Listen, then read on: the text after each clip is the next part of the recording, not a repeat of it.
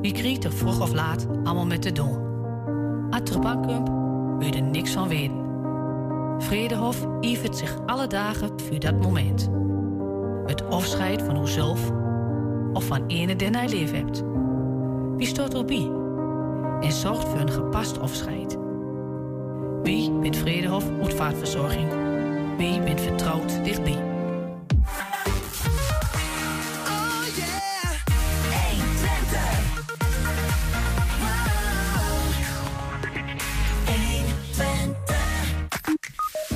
Na maanden van repeteren, muziek schrijven, kostuums en decors maken... was het gisteravond eindelijk zover de première van De Lomo... in het Erval Cito Stadion in Almelo. Dichtersduo Strijkplankpoëzie maakte de dichtbundel En Nu Echt... over de mentale gezondheid onder mannen. Tienduizenden fans van Burna Boy kwamen van een koude kermis thuis toen ze artiest uh, zaterdag niet kwam opdagen. Vragen de advocaat Arjon Tiemann: als zo'n artiest niet komt opdagen bij een concert, wat kun je dan eigenlijk claimen? En een nieuwe editie van Het Twents kwartierke met daarin aandacht voor het nieuwe boek Overijssel en slavernij. Het is donderdag 22 juni, dit is 120 vandaag. 120. 120 vandaag. Kernenergie in Twente. Het onderwerp was bij voorbaat onbespreekbaar toen eh, regionale bestuurders onlangs een selecte groep inwoners om adviezen vroeg voor de regionale energiestrategie. Maar die inwoners die trokken zich daar eh, niets van aan. Neem kleinschalige kerncentrales, zogeheten SMR's, eh, serieus in overweging. Zo luidt een van hun 33 adviezen. Reden voor Kamerlid Wieberen van Haga van BVNL om klimaatminister Rob Jette aan de tand te voelen. Meneer van Haga, via beeldbelverbinding, goedemiddag. Ja, goedemiddag. Regionale energiestrategieën, klimaatbeleid. Klinkt niet als iets dat over het algemeen direct iets voor BVNL is.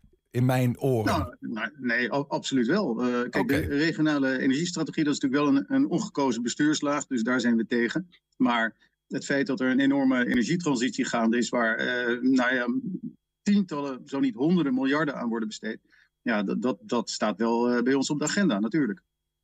Ja, precies. Maar eh, gewoon het, het, het fenomeen klimaatverandering, de invloed van de mens daarop en dat wij daar iets mee moeten middels een grote uh, energietransitie. Hoe, hoe jullie, zitten jullie daarin? Ehm, nou ja, of je nou gelooft dat wij uh, invloed hebben op het klimaat of niet, dat, dat doet denk ik niet zo heel erg ter zake. Hè? Maar we hebben gisteren tijdens een mooi debat gezien dat we 28 miljard gaan uitgeven om 0,00036 graad opwarming te voorkomen. Dus dat is hallucinant. Dus wat BVNL wil, is gewoon verstandige dingen doen. Dus um, als je er technisch naar kijkt, nou, dan ga je geen windmolens op land neerzetten. Dan ga je geen zonneakkers op vruchtbare landbouwgrond zetten. En dan ga je kerncentrales bouwen, want dat heeft een veel grotere energiedichtheid. En het is ontzettend leuk om te zien dat dat, uh, dat, bewonerspanel, dan, uh, dat inwonersforum, ook tot die conclusie is gekomen. Dat ver, verbaast Wieberen van Haga ook niks als ik dat zo hoor. Nee, helemaal niet. Want ik denk dat als je de mensen gewoon zelf laat, uh, laat nadenken. En, en mensen hebben gezond verstand en ze gaan over hun eigen portemonnee. Dan willen ze liever een, een kerncentrale. Die, die schoon is, die geen CO2 uitstoot, die continue energie uh, produceert. In plaats van ja, uh, duizenden windmolens die slecht zijn voor het milieu. En misschien ook slecht voor het klimaat. Maar in ieder geval, je moet ze produceren. Uh, na twintig jaar moet je ze weer afbreken. ze zijn moeilijk recyclebaar. Um, bovendien, als de wind niet waait, dan heb je geen stroom. En dan moet je continu uh, elektriciteitscentrales moeten afschakelen. Dat is een ongelooflijk slecht uh, rendement wat je dan overhoudt. Dus, dus windmolens zijn niet goed voor het milieu. Ja. Zonneakkers ook niet.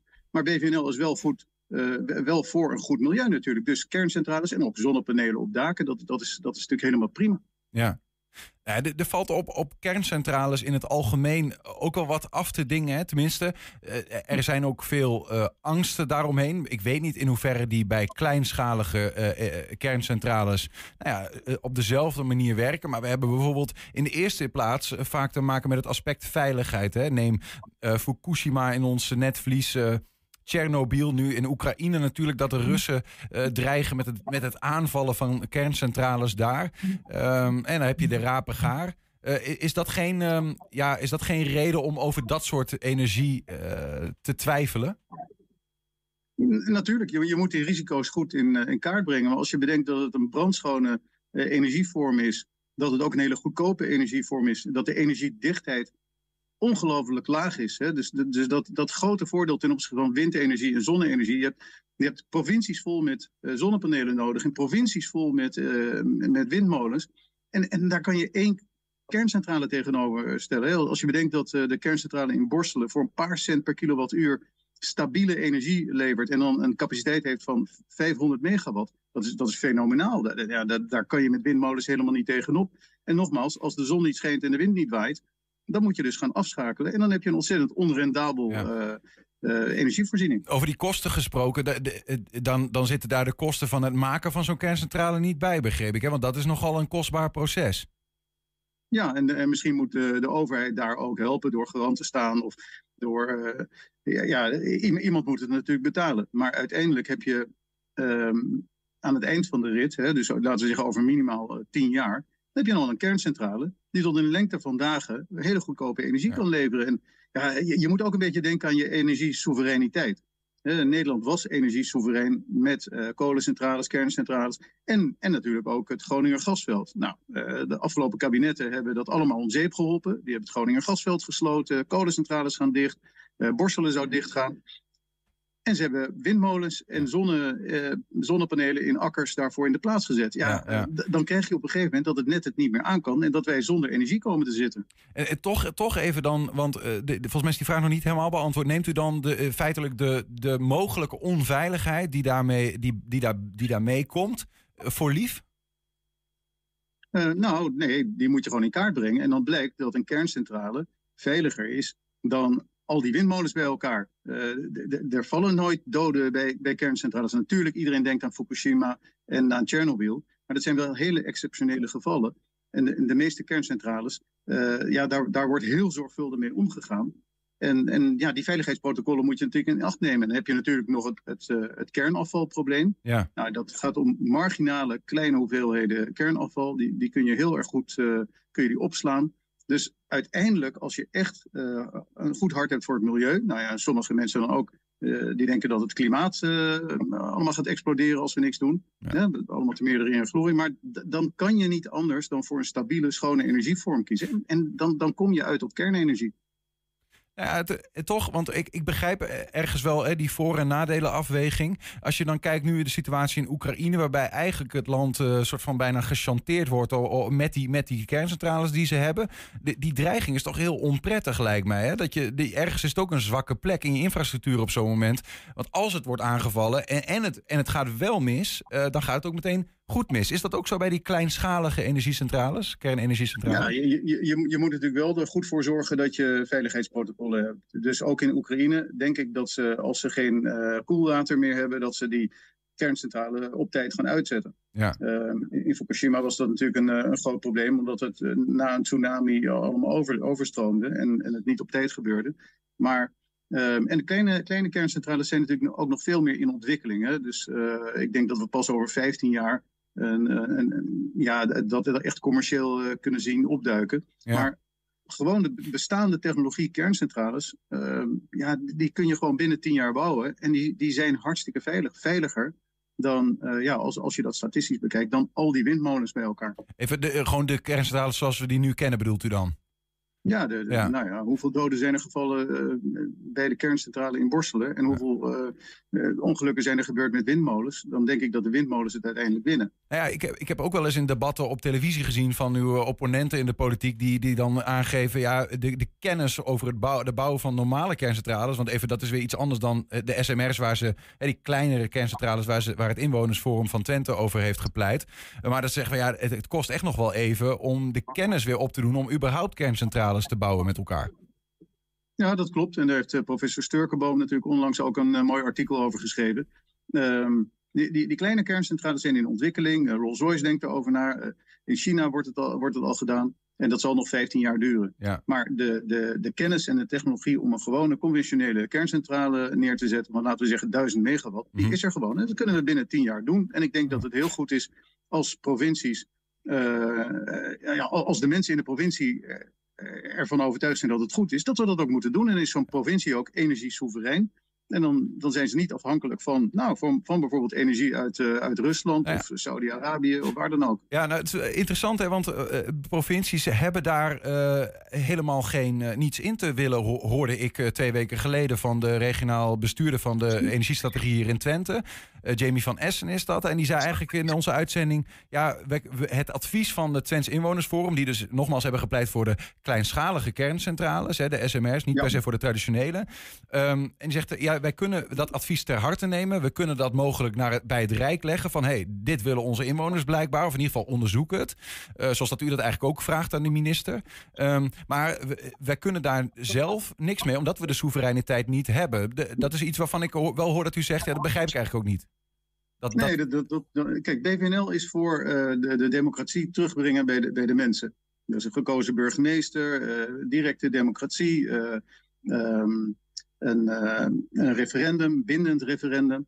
Um, en, en, dat betekent ook dat uh, de mensen in Twente gewoon moeten kunnen bepalen wat er in Twente gebeurt. De mensen in Groningen bepalen wat er in Groningen gebeurt. En dat is nu niet zo. Nou, Waarom is dat niet zo? Ja, dat, dat, dat, is natuurlijk zo gegroeid. Landelijk bepaalt heel veel dingen. Dus landelijk heeft bepaald dat uh, het Groninger gasveld uh, op de verkeerde manier is geproduceerd. Dat er veel te veel is geproduceerd. Dat de huizen uh, in elkaar zijn gestort. Dat, dat de mensen niet zijn gecompenseerd. Ehm, ja, en dat is heel slecht. Als die Groningers dat zelf hadden mogen bepalen, dan was het denk ik heel anders gegaan. Ja, het verschil is natuurlijk dat in de, bij de gascrisis, zeg maar, laat ik zo zeggen, en het gasprobleem in Groningen, dat daar het hele land van mee profiteert en de Groningers hebben er vooral last van. In dit geval um, is, eh, eh, vraag ik mij dan maar hardop af, hè, is het ook niet zo dat dat uh, geen uh, gemeentelijk of provinciaal ding is, hè, kerncentrales, omdat als het misgaat, het een zaak van nationale veiligheid is, die echt provincieoverstijgend is? Ja, nou, dat moet je goed regelen. Maar je kunt natuurlijk wel de, de lasten en de lusten van een, uh, van een SMR, hè, van een kleine kerncentrale, in de provincie beleggen. Dus als de provincie dat wil, dan hebben ze daar een SMR. Die verzorgt de energie voor die provincie. Mm -hmm. Ja, en natuurlijk moet je, moet je het landelijke veiligheidsaspect wel meenemen. Dat, dat ben ik helemaal met je eens. Ja. Overigens, een traditionele kerncentrale moet ik nog heel even aan denken. Heb ik, heb ik wel eens begrepen, heeft ook echt wel veel koelwater nodig. Ik weet niet of wij die, bijvoorbeeld wij hier in Twente, überhaupt zouden kunnen hebben staan. Nee, dat, dat, weet ik ook niet. Kijk, de eerste locaties die, die daarvoor in aanmerking komen... zijn natuurlijk de locaties die al aangewezen waren in Borselen... Uh, de Maasvlakte, uh, de industriële gebieden. Ja. Maar het idee van, van het uh, inwonersforum was natuurlijk van... nou, na grondig onderzoek hebben zij besloten... nou, waarom gaan we in Twente niet gewoon dat zelf doen... met een small modular reactor? Ja. En ik, dat idee is natuurlijk helemaal niet zo gek. Je moet het goed regelen, je moet alle aspecten meenemen... Maar het feit dat ze in Twente zelf gaan bepalen dat ze energie soeverein worden en niet kiezen voor megalomale hoeveelheden windmolens en zonneakkers die, die allemaal niet werken, maar voor een kleine kerncentrale. Ja, dat, is, dat is fantastisch. U zag in ieder geval aanleiding met, met dat advies uh, om nou ja, het op de agenda te zetten bij klimaatminister Rob Jetten. Um, wat wilt u precies van hem weten? Nou, we, we willen, ja, ik heb de vraag hier voor me liggen. Um, ik, ik, wil van hem weten hoe hij er tegenaan kijkt. Hè? Nou, precies de vragen die jij net stelt. Ja, een kleine kerncentrale, wat voor, wat voor voor's en tegens heeft dat? Um, um, ja, wat, wat voor weerstand kan er zijn? Um, wat voor onderzoek hebben we nog nodig? hoeveel jaar gaat het duren voordat het commercieel haalbaar is? Dat soort zaken. Maar het, het feit dat er vanuit de bevolking zelf zo'n idee wordt gepropageerd, is goed. En uh, normaal gesproken zijn we natuurlijk in het land heel reactief. Hè. De, de, we, we, hebben verkiezingen, Tweede Kamerverkiezingen. Dan komt er een kabinet en die gaat allemaal rare plannen over ons uitstorten. En nu komt er van onderaf een idee. Nou, fantastisch. Een van de tegenargumenten zou kunnen zijn, hè, de regionale energiestrategie in Twente, die uh, gebruikt die wel. Dat kernenergie, dit soort kernenergie kleinschalig is nog op, volop in ontwikkeling. U noemde zelf al, dat duurt wel 15 jaar, uh, minimaal misschien nog. Um, ondertussen zijn de energiedoelen die er nu staan, de eerste zijn voor 2030 uh, is, is er gewoon een opgave, ook voor Twente. Daar kunnen we niet onderuit. Is dat niet een probleem? Ja, ja nou, die 2030 is een, is een groot probleem en... Uh, die 2030 is ook gewoon hallucinant. Hè? We, we, zijn in een soort klimaatpsychose geschoten waarin we volstrekt uit het oog zijn verloren wat, er, wat, wat, we technisch moeten doen om ons, om ons milieu uh, goed te bedienen. Uh, iedereen denkt dat de, de, de planeet gaat exploderen. Nou, dat, dat is gewoon niet zo. De bijdrage die wij leveren aan de uitstoot van CO2 in een jaar die, die, of nou, de, laten we zeggen, de besparing die we met die 28 miljard gaan doen. Hè, dat is een gigantisch bedrag. Die hele besparing aan CO2-uitstoot, die produceert China in één dag. Dus wat wij hier doen is volkomen triviaal. Wij moeten gewoon zorgen dat we geen kankerverwekkende stoffen uitstoten. Dat we uh, technisch verstandige dingen doen. Dus bijvoorbeeld, we moeten onze gebouwde omgeving, onze huizen moeten we isoleren. We moeten zonnepanelen leggen op onze daken, zodat we lokaal produceren en lokaal consumeren. Ja, en als we dan voor de schoonste energievorm uh, en de, de stabielste energievorm uh, kiezen die er is, ja, dan kom je toch uit op kerncentrales. Ja.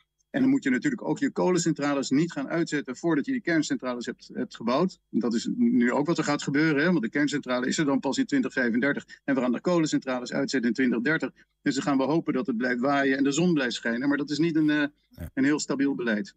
Uh, duidelijk wat, wat uw mening daar, daarin is. dank voor, voor deze bijdrage. Tot slot dan misschien, wanneer verwacht u eigenlijk antwoord van de minister op die vragen?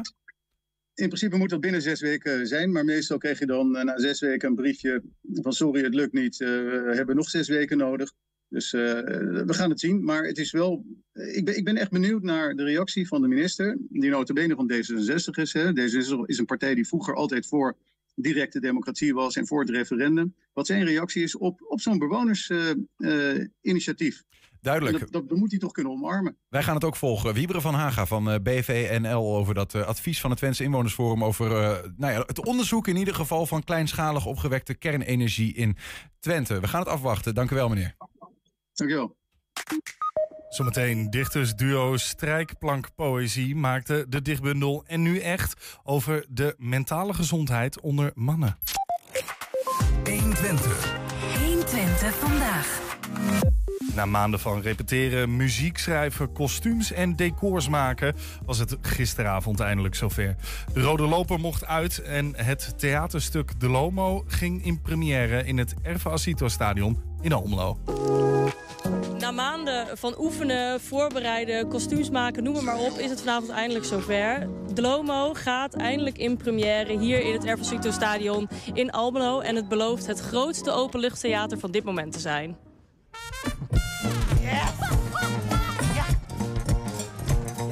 Ontzettend genoten. We hebben gelachen, er zat emotie in. Heel goed veel verhaal. goed verhaal. Ja, het was echt heel erg leuk. Vooral de, de, de twee dames die het zo inleiden, die waren ook echt fantastisch. Moesten vreselijk om lachen. Maar het is ook een beetje gek, toch? Een theatervoorstelling in het stadion. Nee, heel erg leuk. Speels en uh, dynamisch. Ja, superleuk. Wat Ja. maakt het zo leuk?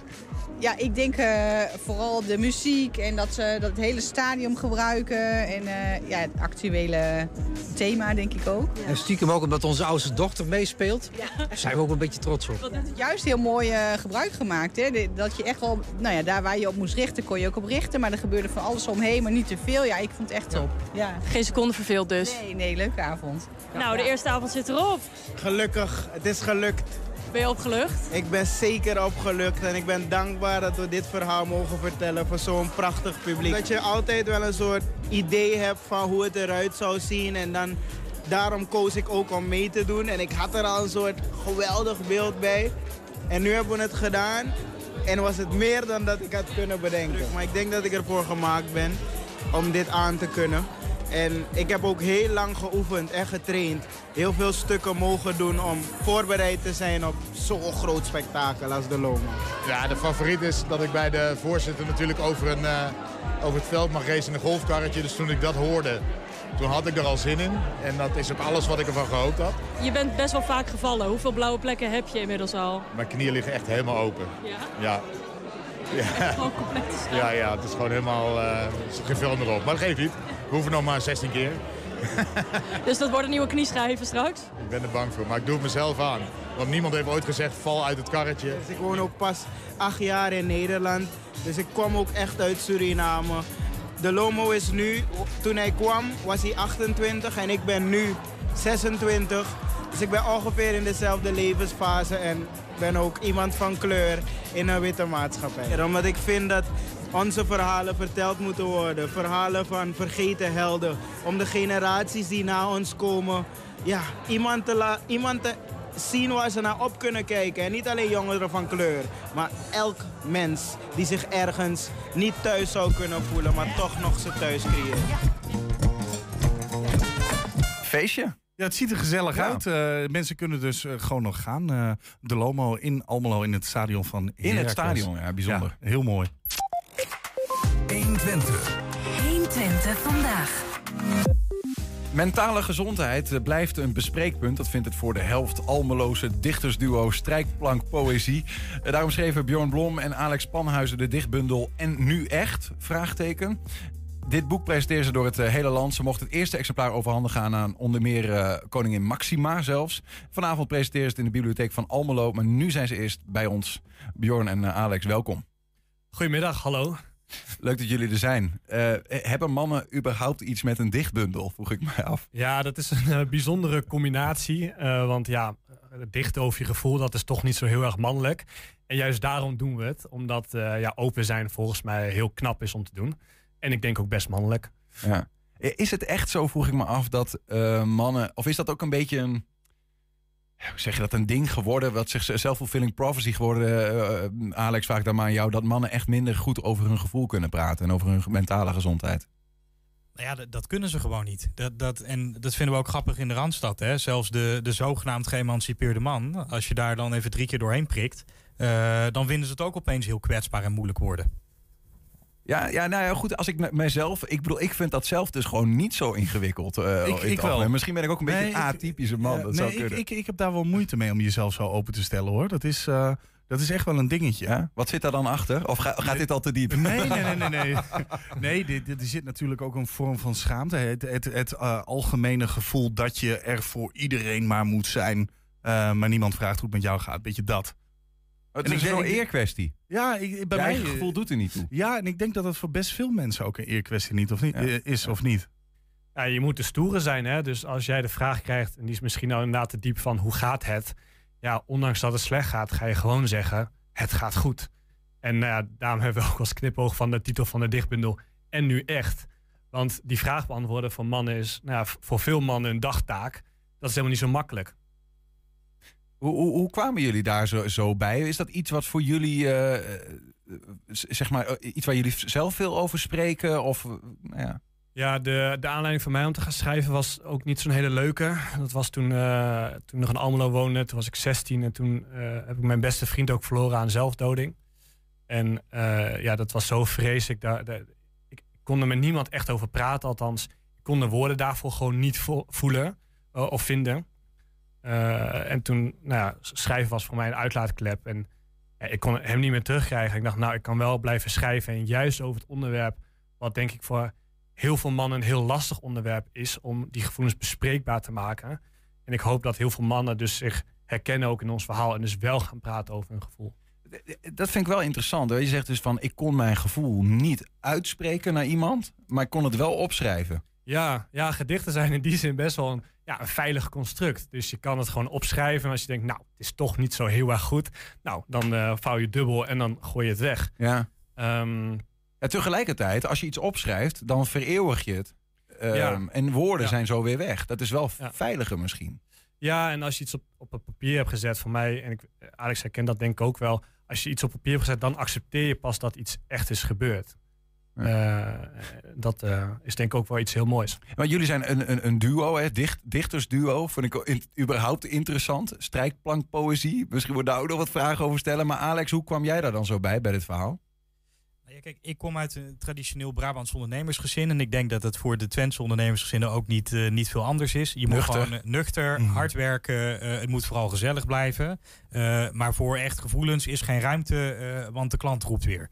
Dus ja, de- daar was bij mij ook helemaal geen, geen ruimte voor om dat te doen. En uiteindelijk moest ik dat ook ergens kwijt. Hè? Want het kon niet aan de eettafel. Nou ja, dan doe je dat maar met een beetje schrijven, want ik was goed in schrijven.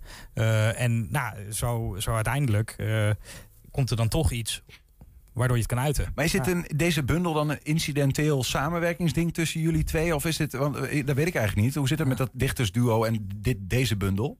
Nou ja, Bjorns, eh, toen we allebei in Utrecht kwamen wonen, Bjorns, eh, Bjorn woonde in een huis waar mijn beste vriendin woonde. En die zei tegen mij van, hé hey, luister, er is hier nog zo'n gek als jij. Die, zo'n zo'n zo'n typische man, maar die wel zeg maar iets van gevoel weet.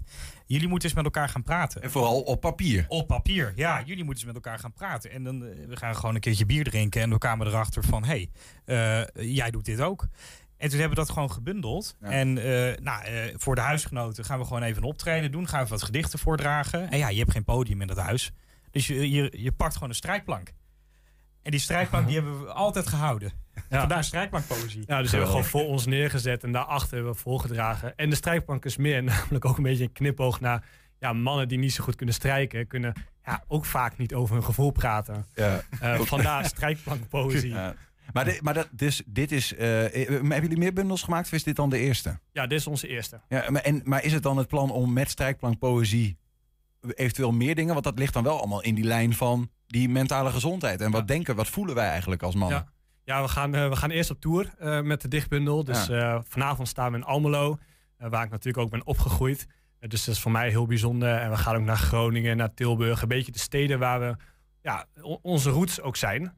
Om toch terug te gaan naar oude vriendengroepen waar ja, niet altijd de ruimte was over gevoel te praten. En heel belangrijk ook om eh, buiten die randstadbubbel te komen. Ja, ja, ja. Nou, laten we sowieso eh, bij deze bundel voor nu blijven. Deze is er. Ehm, want ik ben wel benieuwd. We hebben het over de bundel, maar nog niet over wat er dan precies in staat. En eh, Bjorn, jij komt oorspronkelijk uit, uit Almelo. En je hebt ook een Twents gedicht opgenomen. Eh zekers. Zekers. Nou, we uh, ontzettend benieuwd, ja. Nee, ik, ik vroeg mij gewoon eh, nog af over de teksten die erin staan. Zijn die dan ook niet hyperpersoonlijk? Is dat dan ook niet moeilijk om dat zomaar eh, aan iemand anders te brengen, zeg maar? Omdat je het van je af hebt geschreven? Eh, ja, dat is eh, soms best lastig, omdat wij allebei het af en toe nog ook best lastig vinden om over ons gevoel te praten. En juist daarom vinden we het ook belangrijk om ook een deel van onszelf inderdaad in zo'n bundel te vereeuwigen. eh, Dat dat gewoon kan. En dat je, er is niks om je voor te schamen, want elke man heeft gevoelens. We zitten hier met vijf mannen. Ik geloof dat jullie allemaal emoties hebben. Ehm, dus waarom zou je daarvoor schamen? Maar is het dan wel, Alex, eh, voordat we dan gaan luisteren naar een voorbeeld van je. ehm, je, je als je want ook jij vertelde net, ik vind het moeilijk om dat uit te drukken in woorden. Op papier kan ik het beter. Op het moment dat je dan op papier hebt geschreven en je gaat het dan vertellen. Wat is in godsnaam het verschil? Ja, de, de goede vraag eigenlijk. Nou, de, het verschil. eh, nou ja, het verschil is dat als ik het ga vertellen, ehm, dat ik er kracht bij kan zetten. En dan ook die man in die zaal eh, echt eventjes zo eh, het hartje open kan breken. En juist mijn verhaal, hè, het is misschien persoonlijk, maar het is ook niet bijzonder. Want er zijn hartstikke veel jongens uit zo'n familie. En als je dat dan ook met dat gevoel brengt, dan herkennen ze zich daarin en dan gaan ze een beetje open. Zie je dat gebeuren als je eh, leest? Vertel, wat gebeurt, wat gebeurt er allemaal? Wat, wat zie je gebeuren in, je, in de reacties? Ik, ik zie dat ze eerst eh, schieten ze helemaal in de weerstand. Dan, nee, hier moet, ik, hier moet ik niks van hebben. Het gaat goed hoor. Het gaat goed hoor. Ja. Maar dan maak ik even eerst een grapje. Hè, en dan, dan is het weer een beetje losjes. En dan kom ik met dat best wel gevoelige, eh, gevoelig lichtje. En dan, dan zie ik dat die weerstand langzaam weg hebt. Want dan beseft zo'n man van ja, dat, voor wie doe ik dat nu, die muur omhoog houden. En dan komen ze achteraf naar me toe en dan zeggen ze ja, daar heb je toch iets meer geraakt dan ik eh, gedacht had. En dan heb ik ze En, toch... en dan? Wordt er dan weer een biertje open gedaan en dan wordt er geklonken en dan van, nou, hoe was het gisteren bij de voetbal? Ja, tuurlijk. Maar, maar dat, dat moet je die man, dat moet je die man ook gunnen, hè? Eh, het, gaat niet in één, ja, maar het gaat ook niet in één keer, weet je. Ja. Ik geloof niet dat, dat wij nou alle mannen morgen eh, volledig over hun gevoel leren praten. Maar ik wil wel iets, met Bjorn iets losmaken. En dat, dat lukt ons wel in dat zaaltje. Bjorn, ik ben ongelooflijk benieuwd. Je hebt de- dat Twentse gedicht, laten we die er gewoon eens bij pakken. De- de- Ja. Hoe klinkt dat? Hoe klinkt dat? Nou, ehm, eh, kijk, als Twentenaar wil je toch graag luchtig houden. En eh, ja, in mijn vriendengroep, ja, als je dan over je gevoel wilde praten, dan, ja, dat was toch van, ja, als, als je dan je gevoel op tafel legt, dan was het gewoon één hooguit één zinnetje met, ja, nou, ja, dat is niet best. Nou, doe nu maar het pils. En ehm, nou, daar heb ik een gedicht geschreven, eh, ja, om het toch een beetje luchtig te houden, want we hebben het hier over zware thematiek. En eh, de, het gedicht heet Dankua. Dankua. Heel de dag zit ze met elkaar te praten over stikstof in de opwarming van de wereld. En ik heb het toch zo koud aan het Engels. Ze denken ook alleen maar aan zichzelf, die kerels. Heel de tijd over die zeespiegel, Onida, ja ja.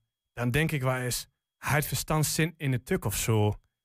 Ik wil dat als je me nu vraagt, ga je met de zee dat ik met mijn brommert dan niet verder hoef dan Almelo. Mooi. Leuk, leuk. En, en toch, de, de, de, de, diepere laag van, van echt het gevoel eh, woorden geven. eh, die, die, die is hier toch ook weer omlijst in een soort van poëtisch eh, jasje. Dus Ja. niet helemaal hard zoals die soms kan zijn. Nee, en we doen ook theatervoorstellingen. Dat, dat we combineren dan de gedichten ook met cabaret. Juist om die zware thematiek die we bespreken ook gewoon luchtig te houden. Mhm. Want, en dat, dat proberen we ook vooral uit te stralen. Praten over gevoel is gewoon heel normaal. Mhm. Eh, en die gevoelens die we hebben zijn legitiem. En eh, af en toe is het best verstandig om eens over je gevoel te praten. En dat kan inderdaad met een biertje, maar ja, dat kan, is gewoon heel normaal. Ja. Alex, wat, wat, wat zijn de, voor jou de, ja, nou, de dingen waarvan je het meest ziet... dit vinden mannen ingewikkeld als het gaat om gevoel? Kwetsbaarheid. Dus eigenlijk alles waar ze moeten eh, erkennen dat ze een beetje ja, zwak zijn in de ogen van de maatschappij. Dus ik kan dit niet beschermen of, of eh, ik moet er overal voor iedereen zijn. Mhm. Maar stiekem dat eigenlijk ja, best wel moeilijk vinden. En zwaar ook vinden. Voor jezelf ook? Ja, zeker. Want ik, ben, ik ben een enigst kind van een ondernemersgezin. je, je, bent er, je bent er voor je gemeenschap. En Ja. dat wordt gewoon voor jou geacht. Ja. Is, is dat dus ook iets, als we dan even veronderstellen dat het inderdaad zo is dat mannen dat gewoon ingewikkelder vinden dan vrouwen in het al heel algemeen. Ehm, is dat generationeel?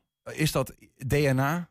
Is dat te doorbreken? Dat is eigenlijk de vraag. Ja, dat is een hele lastige vraag. Ja, en ik denk ook dat heel veel vrouwen ook niet over hun gevoel kunnen praten. Alleen bij mannen wordt het al jaren, decennia lang verheerlijkt. Van hè, schouders eronder, kop omhoog en je mag niet huilen.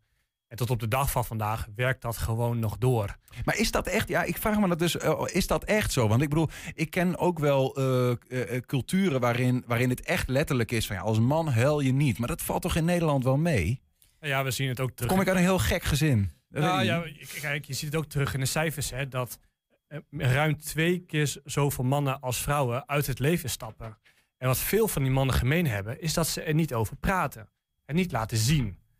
Ehm, eh, dus ik denk dat dat een aanwijzing, in ieder geval een indicatie is, Ja. dat er gewoon iets fundamenteel mis is. Nou, ik zal niet zeggen onder mannen, maar wel over ja, de bespreekbaarheid van dit onderwerp. Mo- Moet eh, deze bundel ook de, de, de nieuwe generatie die eigenlijk een beetje opgroeit met de Andrew Tate van eh, scherm jezelf helemaal af, dat doorbreken? We proberen een alternatief te bieden. Dat, dat, dat je als man niet alleen maar de knop om moet zetten en heel veel moet sporten of moet werken, maar dat je af en toe ook eens ja, eh, dat gevoel mag toelaten. Want als je het maar blijft negeren en er blijft van vluchten, dan op een gegeven moment loop je gewoon een keer tegen de muur aan. Hoe, hoe doe je dan dan precies, Alex? Want we hebben net een voorbeeld gehoord hè, uit deze bundel. Maar ik kan dan nog niet helemaal een beeld krijgen van wat staat daar nou in. Er staan, hoeveel gedichten staan erin? En wat, wat, zien, wat, wat, wat zijn dat voor gedichten? Wat, Nou ja, precies, dat gedicht wat je net hoorde, Ja. het zit dus ook een beetje aan het begin, dat is wat luchtiger. Want we willen die mannen ook een beetje hè, eh, Erin, eh, eh. ja, erin loodsen. Zo ziet onze show er ook uit. Hè? Dus het is eerst een beetje grapjes maken van hey, ik ben ook gewoon zoals jou, hè, de Bjorn gewoon een leuke Twent, die ook gewoon dat soort gesprekken heeft met zijn vrienden, die jullie ook misschien wel herkennen.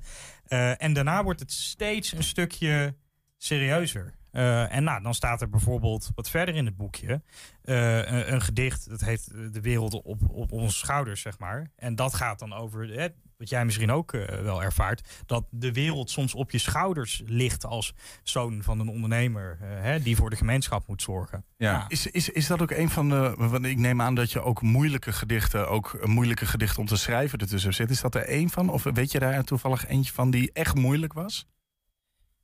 Nou, ik heb wel eentje geschreven toen, eh, hè, wat ik eerder al vertelde, dat eh, mijn beste vriend heb verloren aan een zelfdoding. Toen heb ik het geprobeerd op te schrijven. Alleen ja, dan komt het opeens heel dichtbij. En ik heb dat pas eh, later af kunnen maken toen een andere, het meisje waar ik in het begin van mijn studententijd verliefd op was, ook uit het leven stapte. En toen heb ik het pas af kunnen schrijven. En zo zie je dat, ja, dat wij ook gewoon nog steeds die mechanismen voelen van je mag je gevoel niet uiten of je kan de woorden er niet voor vinden, wat ik denk waar veel mannen zich ook herkennen. En dat probeer je juist op papier te zetten en daarmee ook handvaten te bieden om over je gevoel te praten. Dus ik hoop dat als je het leest, dat je een soort van, hè, dat, wat Alex heel mooi beschrijft, dat het steeds nou ja, wat meer geladen wordt. Uh, maar dat je er ook zelf uh, steeds beter in wordt om dat ook te kunnen toelaten. Helder. Tot slot, jongens. Vanavond in Almelo, Alex. Ja. Uh, de presentatie, maar het is meer een optreden van de bundel. Het is een optreden. acht uur in de biep. Dus, uh... En hoe ziet dat optreden dan uit? Ga je gewoon wat dingen voordragen of is er nog een soort van theatrale omlijsting? Er, zit, er zit theatrale omlijsting in, vooral ook heel veel leuke grapjes. Dus dan kun je gewoon lekker met een biertje, ja ik weet niet of ze dat hebben in de biep, maar je kunt er met een biertje naar luisteren. Ja, het scheelt maar één letter. Ja. Maar één letter. Precies. Uh, en en daarna, daarna gaan we wel echt gewoon serieus uh, ja, gedichten voordragen die, die ook wel moeten raken. Ja, en dan bij de naborrel kan er nog uh, met een biertje nagepraat worden. of niet. we gaan het meemaken. Bjorn Blom en Alex Panhuizen, dank jullie wel voor jullie komst, voor de openheid hier. En succes, veel plezier vanavond vooral en met wat allemaal nog komen gaat. Met en de bundel en nu echt. Dankjewel. Zometeen een nieuwe editie van het Twents Kwartierken met daarin aandacht voor het nieuwe boek Overijssel en slavernij. En ook zijn we als podcast te luisteren. Je kan ons vinden, hele uitzendingen op 120 Vandaag. En iedere werkdag één item uitgeknipt. Dat kun je vinden op 120 Vandaag uit, uh, uitgelicht. 120. 120 Vandaag. Dat ging niet zo lekker hè? Uitgeknipt, mooi. 120 vandaag uitgeknipt. Moeten we gaan doen.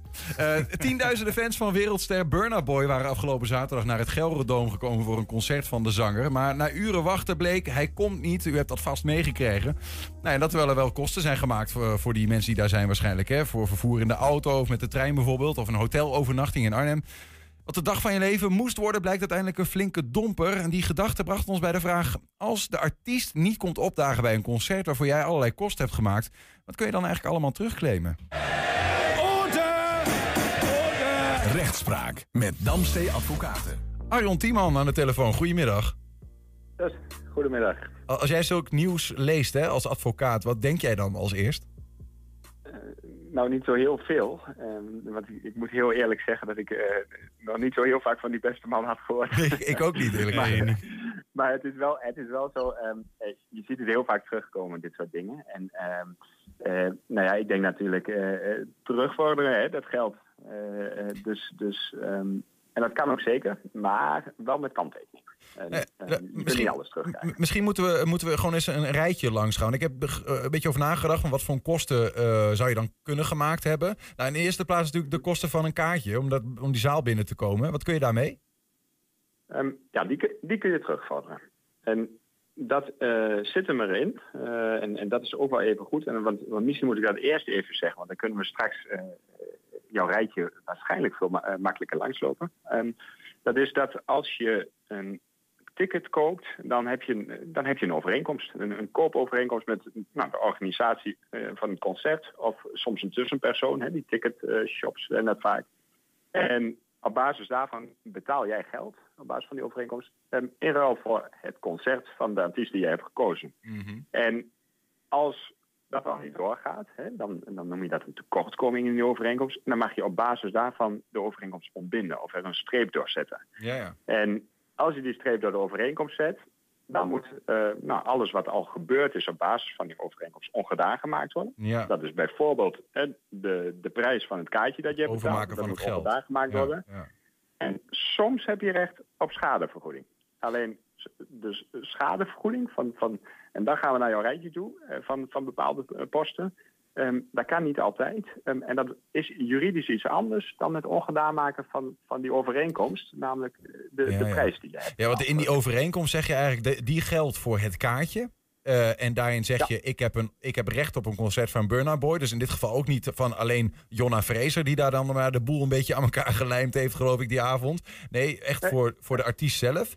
Ehm, maar daarbuiten heb je natuurlijk nog, hè, we noemden het al... die kosten van de treinrit daar naartoe of de autorit... eh, de hotelovernachting, eh, het eten. Nou ja, dat zou je normaal ook moeten. Maar goed, je hebt natuurlijk wel dingen geregeld. Dat is nog maar de vraag. Precies. Maar dat, dat zijn allemaal ehm, onderdelen ehm, die eigenlijk eh, geen deel uitmaken van het contract.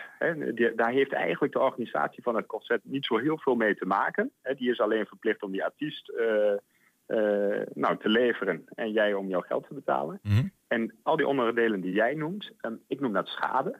Die heb je omdat die organisator dat concert niet heeft georganiseerd zoals dat zou moeten. De artiest was er niet. Ehm, en die schadeposten, die kun jij ehm, over het algemeen terugkrijgen als die eh, organisator een verwijt valt te maken. Maar er zitten vaak wat kleine lettertjes bij die, eh, bij die tickets. Dat zijn de algemene voorwaarden. En daarin kan zo'n organisatie niet alles uitsluiten. Maar daar staat heel vaak in van ja, als het nou niet doorgaat of er gaat wat mis, nou, krijg je het kaartje terug, de prijs van het kaartje. Maar ehm, alle schade, ehm, zoals de hotelovernachting en het, het, treinkaartje, die gaan we niet vergoeden. Dat hoeven we ook niet. Ja. Ehm, en dat is sowieso niet het geval als er sprake is van overmacht. Eh, denk bijvoorbeeld aan, aan, nou, we hebben in de coronatijd hebben we dat heel veel gezien. Hè? Concerten die werden afgelast omdat de overheid zei, het kan niet doorgaan. Mhm. Dat is overmacht, ja, dan heb je, dan heb je sowieso geen schade. eh, of Ja, geen, ja. geen recht op vergoeding van schade. Dus het, het waarom van zo'n, van zo'n afgelasting van zo'n concert eh, eh, maakt wel uit. Overmacht voor de organisator, dan ben je sowieso waarschijnlijk gewoon, nou ja, heb je gewoon pech gehad. Als het gaat om die Ja, schade, kijk, niet om, als het gaat om het kaartje. de- de geld voor, voor het kaartje, dat krijg je altijd Ja, precies. Die- Maar- maar daar heb je altijd recht op. Eh, inderdaad. En als het gaat om die, om die bij, bijkomende kosten, dan is de vraag wat staat er in die algemene voorwaarden. Dus dat is in ieder geval voor mensen die daar toevalligerwijs waren en dit horen, eh, dit, check dat ook nog even.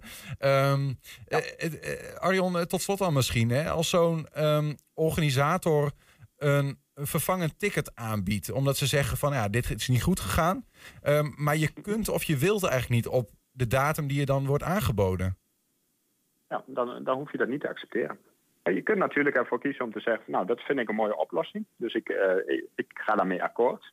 En dan kun je daar ook niet meer, als je, als je dat eenmaal eh, hebt aanvaard, kun je ook niet meer bedenken achteraf. En dan, Mhm. dan moet je naar het nieuwe concert. Ehm, maar als jij zegt, van, ja, maar ik neem daar geen genoegen mee. Ehm, de wet zegt, eh, je hebt recht op teruggave van het geld. Dus niet een ander kaartje, ook niet een, een, een, een, bon bijvoorbeeld. Dat zie je ook heel vaak. Hè. Eh, ja, je hebt een bon om weer ergens een nieuw kaartje te kopen. Eh, hoef je allemaal niet te accepteren. Eh, gewoon centen.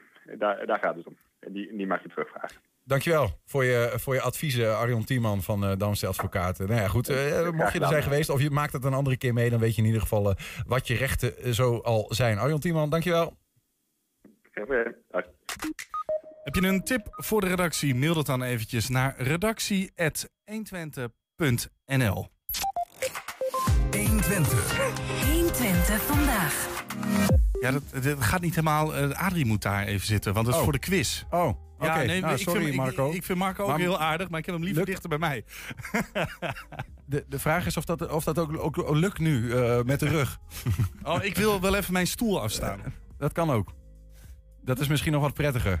We zijn ondertussen eh, in een opmaat naar een Twents kwartierken, dames en heren. Maar we beginnen natuurlijk niet voordat die legendarische jingle heeft eh, geklonken. Dus eh, ondertussen is Adrie Hemming met de gast van dienst binnengekomen. mooie streektaal, vind ik mooi. Twents kwartierken. Ja hoor, daar zijn we weer. Adrie, welkom terug. En... Je, je was even niet aan, wat zeg je? Ik zeg, enige chaos is er altijd wel Ja, Twents dat hoort er op een of andere manier een beetje bij. Ik weet niet, maar en jij bent ook een soort van stabiele factor. Dus ik weet niet wat dat een en ander zegt over het ja, ander. Maar... het, het enige stabiele aan is aan de chaos die, al- die ik altijd metbreng. Daar was ik al bang voor. Ja. eh. Adrie, een nieuwe eh, quiz vandaag van jou met Twentse woorden. Die hangen we op aan het thema. Daar komen we zo op. Best een heel interessant eh, thema, denk ik. Iets wat nog niet zo bekend is, laat ik dat vooral zeggen. Eh, maar eh, toch even opfrissen van het geheugen. Vorige keer in het Twents kwartier. Voor eh, vorige week. Vorige week. Dat was Kuierdrood. Dat was natuurlijk de telefoon. Mhm. Die kennen we allemaal. Die kennen we allemaal. Hè. Dat, daar hadden we eh grasbier. Dat was grasspriet. Mhm. En een lessen was eh, vuurstander. En dat is leider. Ja, en dan nog het woord van de week, kniepert. Knippert. Ja, dat is een eh, frek, hè? volgens Ene- mij de halen Had, had, ze allemaal goed? Want ja, dit, dit, dit is toch alles eh? Strikker was het geloof ik, hè? De vorige keer, voor de, met de Bloemenbeek. Nee, dat was, was heel goed. En Henk Ketting, eh, nou, ging goed. Ging goed. Maak je dus- Ehm, dat was vorige week. eh, ma- mag je niet vergeten, maar gaan we wel verder. Eh, want we hebben een nieuw thema. En ehm, dat heeft te maken met koloni- kolonialisme, moeilijk woord, en slavernijverleden eh, van Nederland. Staat natuurlijk veel in de picture op dit moment. En eh, vaak als we daaraan denken, dan gaat het over, nou ja, toch de gedachten gaan dan over het westen van het land. Hè. Daar zijn immers de havens. Je hebt eh, Amsterdam, Rotterdam, van het Zeeland gingen boten. ehm, eh, de, de, de zee op natuurlijk. Maar ehm, wat blijkt nou? Ook Overijssel en ook onze eigen Twente heeft wel degelijk een rol gespeeld in dat verleden van, van Nederland. Eh, de Overijssel Academie heeft daar onderzoek naar gedaan, heeft een boek gemaakt. Dat boek is genaamd Overijssel en slavernij. En Marco Krijns is bij ons, historicus, schreef mee aan het boek. Marco, welkom. Dankjewel. Ehm, ja, ja, toch verbazingwekkend. Hè? We, liggen hier best ver van de zee. Dat was ook in een tijd. eh, ik geloof dat zeg maar, dit gaat van 17e tot 19e eeuw met uitlopers. Waarin zo heel snel reizen ook niet eh, heel, heel goed ging. En toch hebben wij ermee te maken gehad. Ja, dat is eh, absoluut het geval. En ehm, weliswaar niet in, op de schaal zoals het eh, in, in Holland en Zeeland was. Maar ja, je zou toch versteld staan als je dit allemaal op een rijtje ziet. eh, hoe groot die verbondenheid was van, ook van Twentenaren met, met het slavernijverleden. Ja. En om een heel concreet voorbeeld te noemen. ehm, de burgemeester van Lonneker is een zoon, was een zoon van een tot slaaf gemaakte vrouw. En van een plantagehouder die eigenaar was van slaven. Ja, de, de, de burgemeester van Lonneke in die tijd Ja. had dat in die zin. Oh. En eh, hij is eh, in de vroege 19e eeuw geboren. Op die plantage in, eh, in heel ver weg, in Demerari. Ja. En ja, Demerari was een kolonie van Nederland. Kennen we allemaal niet meer natuurlijk. Het is nu Guyana, ligt ten westen van Suriname. Daar had Nederland grondgebied. Er werden plantages eh, gesticht voor koffie en voor eh, eh, thee. En voor, nee, niet voor thee, maar voor cacao en suiker. En zijn vader had dus een, een, koffieplantage, de onderneming. Maar goed, dat, dat is een band die in mijn hoofd in ieder geval in de eerste instantie nog geen hele negatieve gevoelens opwekt. Hè? Van je hebt een band gehad bijvoorbeeld als, als uitbuiter van, van slaven. Omdat dit gaat over iemand die juist een, nou ja, een liefdesverbinding aangeeft met, een, met iemand die is tot slaaf gemaakt was. In ieder geval, de- na, Ja, kunt je wel de vraag stellen van... eh, kijk, zijn vader was eigenaar van slaven. Van Hmm. eh, tot slaafgemaakte. En eh, een van die tot slaafgemaakte was een vrouw... waarmee hij een relatie kreeg. Ja, je kunt je wel de vraag stellen hoe gelijkwaardig Hoe was die gelijkwaardig relatie? was die, ja. ja. En vervolgens ehm, komt hij te overlijden. Dus de vader van de burgemeester, zullen we maar zeggen. En ehm, toen eh, was de vraag van wat gaat er met de kinderen gebeuren? Want de kinderen waren minderjarig. En, en ehm, deze Adolf Willem, de, de, de, de zoon, die, eh, die werd meegenomen naar, naar Nederland. Mm. Eh, naar de familie in Nederland. De, en, Bij de vrouw weggehaald. ja, zo Ja. zou je kunnen zeggen. En Ja. zo was het ook. En die vrouw die, die bleef achter zonder kinderen. Wat heeft jou zelf het meest ver- verrast? Was jij op de hoogte van deze geschiedenis? Was het ook een heel ehm, nou ja, avontuur wat dat betreft? Ehm, dat laatste wel. Ja, kijk, ik had natuurlijk hier en daar wel wat gehoord. En, eh, maar ik heb me dan eh, verdiept in, in, in de, naar de levenswandel van deze Adolf Willem Storm van Stravenzande. Want dat was de naam van eh, deze burgemeester. Prachtig. Ja, dus de, de naam geeft al aan dat hij niet zomaar uit een familie kwam. Nee. Hè? En ehm, een rijke familie die daar dus een plantage had. Ehm, ik, wist, ik wist daar iets van, maar ik ben daar ingedoken. En ja, dan kom je toch allerlei bijzondere dingen tegen. Hoe, hoe kan dat eigenlijk? Dat, ja, nou, misschien een beetje een open deur hoor, maar dat dat, dat dan eh, zo weinig be- bekend is wat dat betreft. En dit, dit is natuurlijk iets wat vaker breder wordt gezegd, ook in Nederland überhaupt. Maar dat hele Overijsselse, hè, in, in onze kant van het land. Ja, nou ja, ik, het is, het kijk, het ligt voor de hand natuurlijk. Op het moment waar het meeste geld wordt verdiend en waar het meest zichtbaar is eh, hoe dat is gebeurd, dat is natuurlijk Amsterdam. En ook Zeeland. Eh, en dat zijn echt plekken waar eh, nou ja, de rijkdom eh, tegen de plinten klotste. Hè. Kijk maar naar de, de grachtengordel. die is gewoon gebouwd op geld wat verdiend werd met, met slavenhandel en plantages.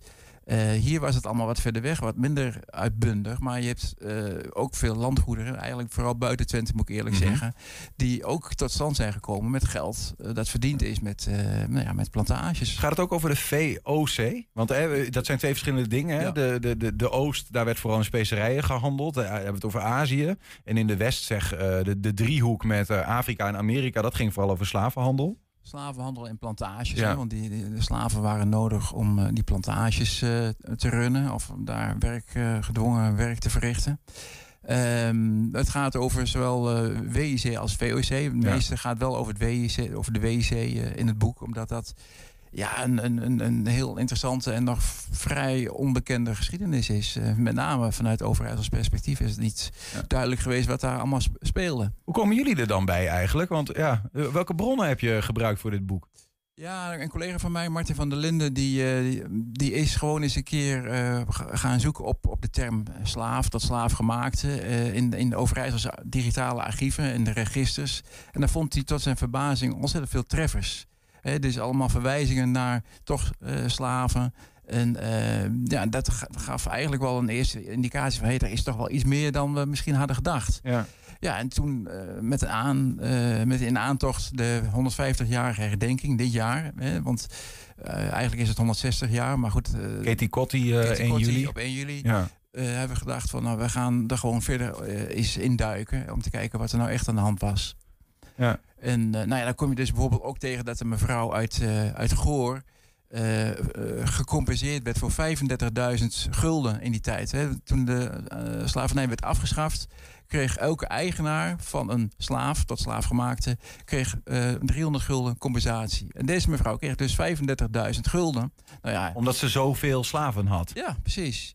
En, en die, moet je je voorstellen, de, na de huidige maatstaven, gaat het om miljoenen. En dat is alleen nog maar een mevrouw uit Goor. Nou, dat is niet zo ver weg van Enschede. Ja.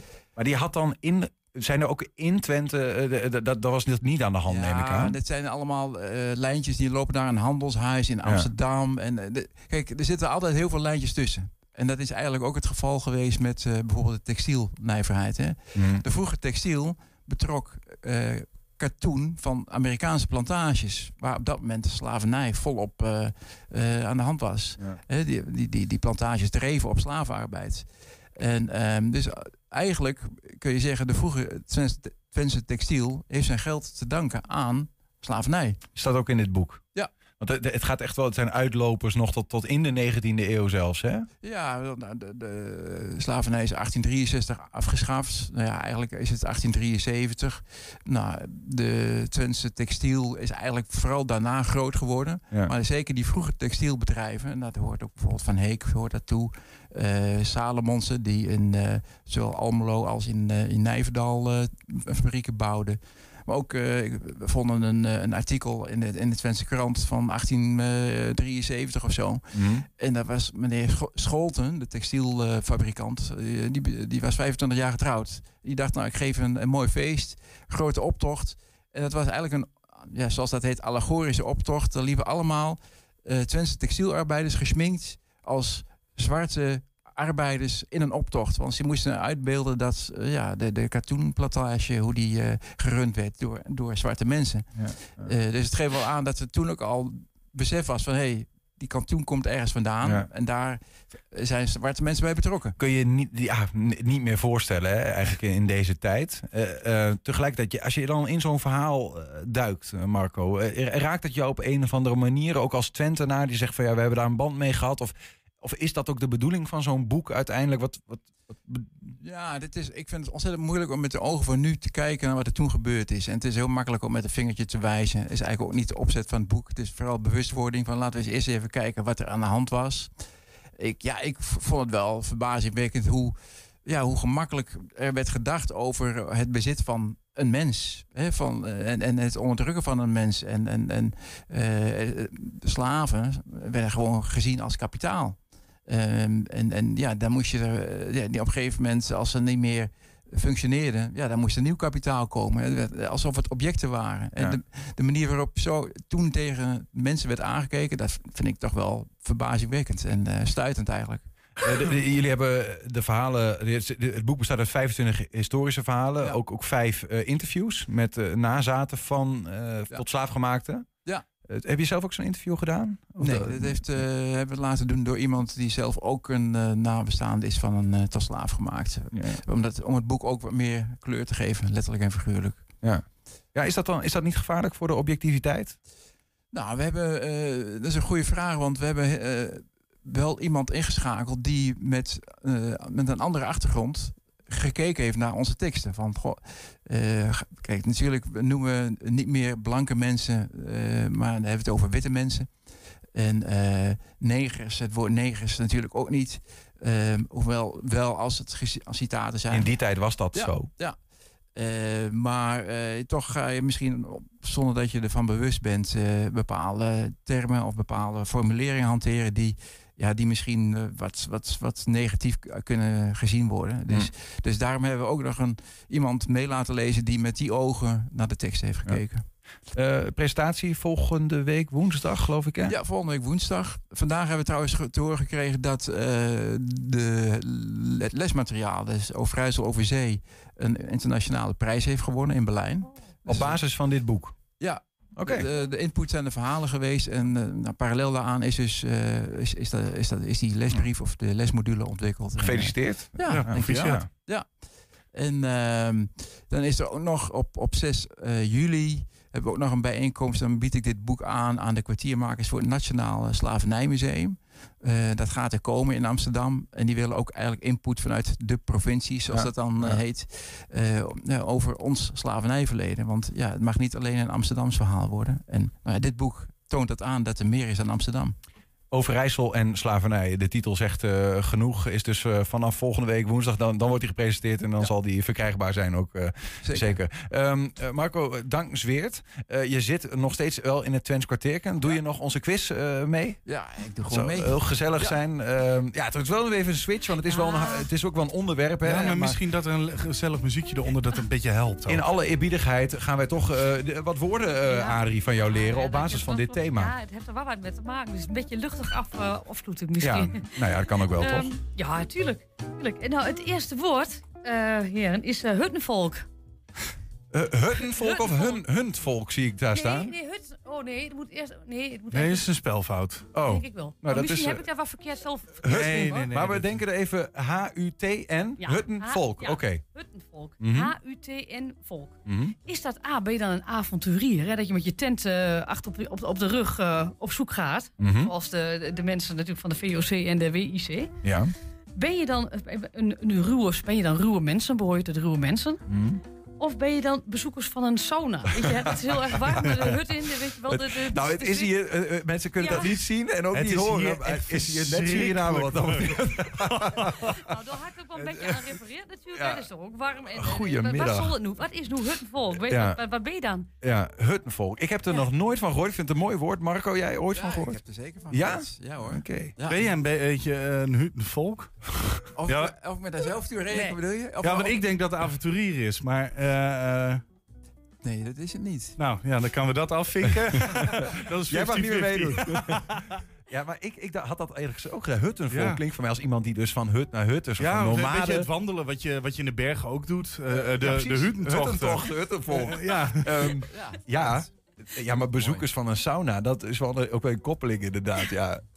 ja, dan moet het. Ja, dan gaan we daar gewoon. Ik ga dan daarvoor, maar ik weet het niet, Marco. Jij weet het blijkbaar. Wat, wat, wat, wat zeg jij dan? Wat is het? Eh, B. Adrie, klopt dit? Ja, Gaan wij nou gewoon eh, hier weer Ja, verliezen ja, ja, vandaag? Ja, gelijk. Roe, roevolk, een beetje eh, huttenvolk. Hut, als je in een hut woonde, vroeger had je echt een soort aardappelkelder als woning. Ja. Echt plaggenhutten. Dat was, dat, dat, was niet de beste, dat was niet de best volk. Dat waren een beetje ruwe mensen. Ja, ja. Roevolk is eh hutvolk. Ja. Ja, dan Ja. k- krijgen we deze toch nog even van onze horen. Ja, ik durf bijna niet te vragen, maar wat is dit dan met het thema te maken? Ehm, nou, omdat die mensen natuurlijk niet zo al te mooi wonen, die slaven. Ja, en, precies. En, en, de, en de, de eigenaar heel ruw omgingen met die mensen. Ja, oké, Dat oké, is de it. associatie eigenlijk. Ja, ja, ja. ja, ja. Er werd ook op neergekeken. Het Ja. is eigenlijk een soort Ja. scheldwoord. Ja, ik dus- weet wel dat ja, ik daar zelf ook nog wel eh, in ja. een groep Ja. eh, een paar biertjes op. En dan, eh, ja, dan kwamen er van die lui in de, in de stad die, die een beetje zeggen, we, niet misdroegen. En zeggen of een huttenvolk. Huttenvolk, ja. Het is een voorganger van Campianen bijna. Ja, nou. Pas op, Niels. Ja, sorry, sorry, Ja, sorry. je hebt ook Huttenklaas, hè? Dat ken je wel. Dat, waarschijnlijk uit Oldenzaal Huttenklaas. Ja, ja, ja dat, is een, eh, dat is een biertje. Ja, ook dat. Maar dat was een, moord, dat was een moordenaar. Dat is de laatste man die terechtgesteld is volgens mij in Oldenzaal op de markt. Maar die woonde echt in een plaggenhut. Oké. Ja. Nou, woord 2. Woord 2. Goed. Nou, wat zal dat nu weer? Is dat een specerij? Of is dat opstand? Mhm. Dat kan natuurlijk, hè? Of is dat een slijmert? Een kruipert, weet je wel? Ik denk dat het gewoon van kruid afkomt. En dat het dus specerij is. Ja, dat denk ik ook. Kruid, kroet, kruid, specerij. Ik denk dat het niet heel veel veranderd is eh, van het woord. Eh, ja, ik, kan, ik, eh, ik zou iets anders kunnen kiezen, maar dan zou ik echt eh, dan zou ik niet eh, eerlijk zijn. Ik, eh, Marco? Ja, ik neig er ook naar. Zeker gezien het onderwerp. Maar eh, Adrie Hemming wil nog wel eens... eh, Vullen wij in ieder geval beentje, in? Antwoord A. Ja, dat is wel goed. Ja, en het moet ook niet altijd te moeilijk binnen. Ja, gewoon, dit is het puntje voor, eh, om ons een goed gevoel te geven. Ik snap het. Ja, nou, gaan we door naar woord... Bestaat ook kroetnagel? Bestaat dat ook of niet? Dat is kruidnagel. Dat is dan weer kruidnagel. Ja, Ja. volgens mij wel. Oh. Volgens mij wel. Draadnagel heb je nog. hè? Heb ik een keer gehad. Ja, nog. Woord 3. Woord 3, wessel. Hm? Dat vind ik heel moeilijk, maar ik vind wel heel mooi. Is dat A, is dat een, een schip? Mhm. Hè? Het zou kunnen, een associatie met misschien een Engels woord. is het ehm, B. Een een geruilde ehm horige. Mhm. En wel horigheid is natuurlijk ook slavernij wat hier, die hier plaatsvond. Of is het een scheldnaam? Ik denk dat dit vanuit het Engels komt. Vanaf het woord vessel. Oftewel een schip. Mooi. Dat, dat denk ik. Je hebt toch ook in de Enschede de Wesseltjes? Maar, ja, maar ik weet even niet meer wat dat... Wat, wat dat wat, eh, wat, wat- Wat? dat Waar- zijn- waar heb je dat het is een oud, dat is een oud koor. eh, eh, de Wesseltjes was dat vroeger. Met, met, maar, maar wat was daar de Wessels of, van? eh, nee, nee, nee. Marco, help eens. Jij weet dat. Eh, ja, die komen, kwamen uit de Wesselenbrink. Oh, Oké. dan- nou heb ik straks weer een heel, heel, heel, hele wijk. Ik heb net al. Nee, ik wil niemand tegen me hebben, jongens. Ik hou van jullie allemaal. Ik, dus ik ga ook niet zeggen dat het een scheldnaam is. Ik, ik ga. Ja, weet ik niet. Ik ga iets anders doen dan Julian. Dus ik ga voor een geruilde horige. Wessel. En Marco? Ga ik gewoon voor C. ja, nou, er er kan maar één eh, de winnaar zijn. Adrie, hè? Vullen B in voor Niels, maar...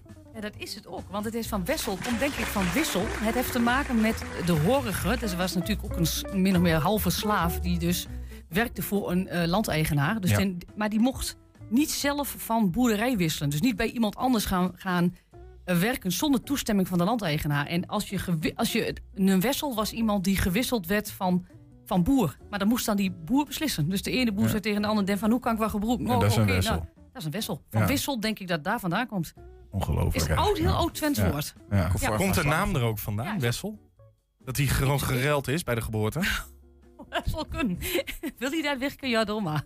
Wil hij dat jong? Ja, doe maar. Doe dat niet maar. Welke naam hebben we het over? Gewoon Wessel. Wessel. Oh, zo Wessel gewoon een naam, überhaupt de ja. naam Ja, Wessel. Ja, jullie. ja Wesselenbrink. Wissel. Wessel. Nou ja. Wessel, ja. Ehm, we hebben nog één woord te gaan. Eh, die gaan we niet zelf beantwoorden, maar de mensen op straat. Goedemiddag, daar zijn we weer. Deze week is het woord geertling. Is dat een merel, dus een vogel?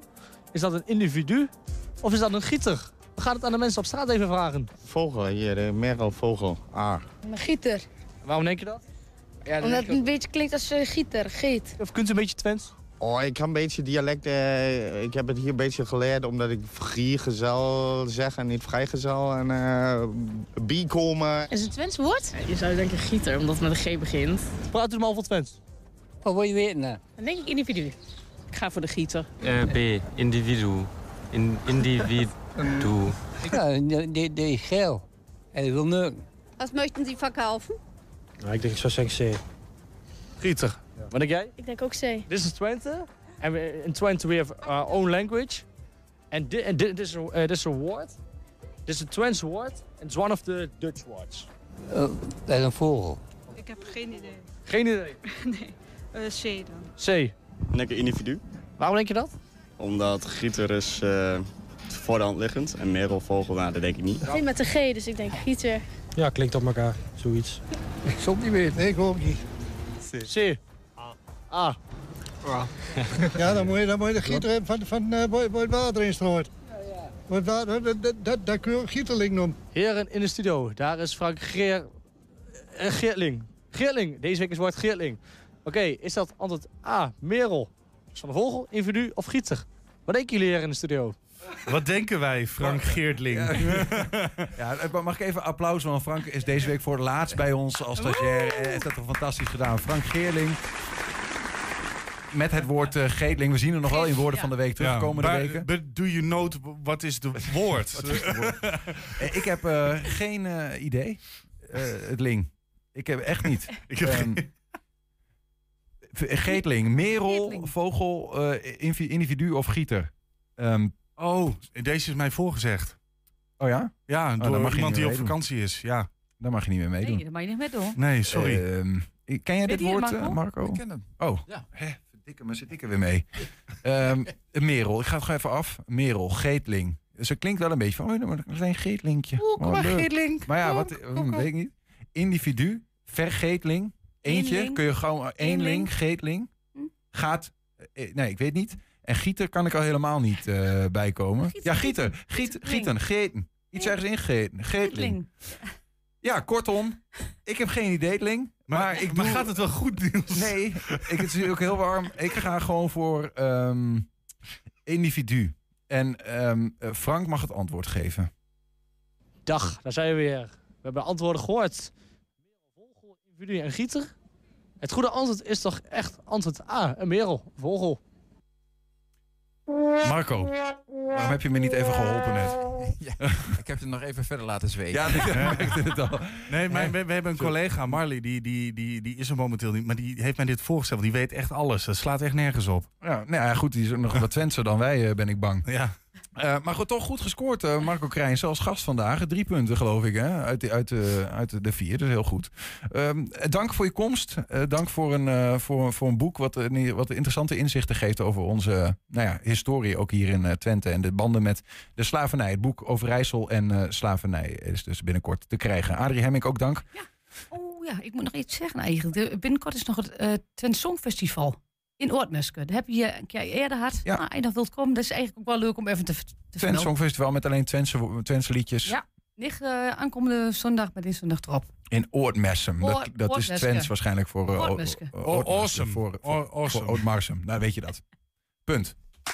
En daarmee sluiten we 120 vandaag af. Terugkijken, dat kan direct via 120.nl. Vanavond 8 en 10 zijn we ook op televisie te zien. Zometeen kun je op de radio gaan genieten van Henk Ketting met de kettingreactie. Wij zien jullie morgen weer en hoop ik dat het kouder is. Ben bang van niet. 120. Weet wat er speelt in Twente. Met nu het nieuws van 5 uur. Goedemiddag, ik ben Mark Bergt. Rotterdam heeft een tussenoplossing gevonden voor statushouders voor wie nog geen huis is. Ze gaan voorlopig naar een cruiseschip in een haven in West. Er is daar plek voor 1500 man.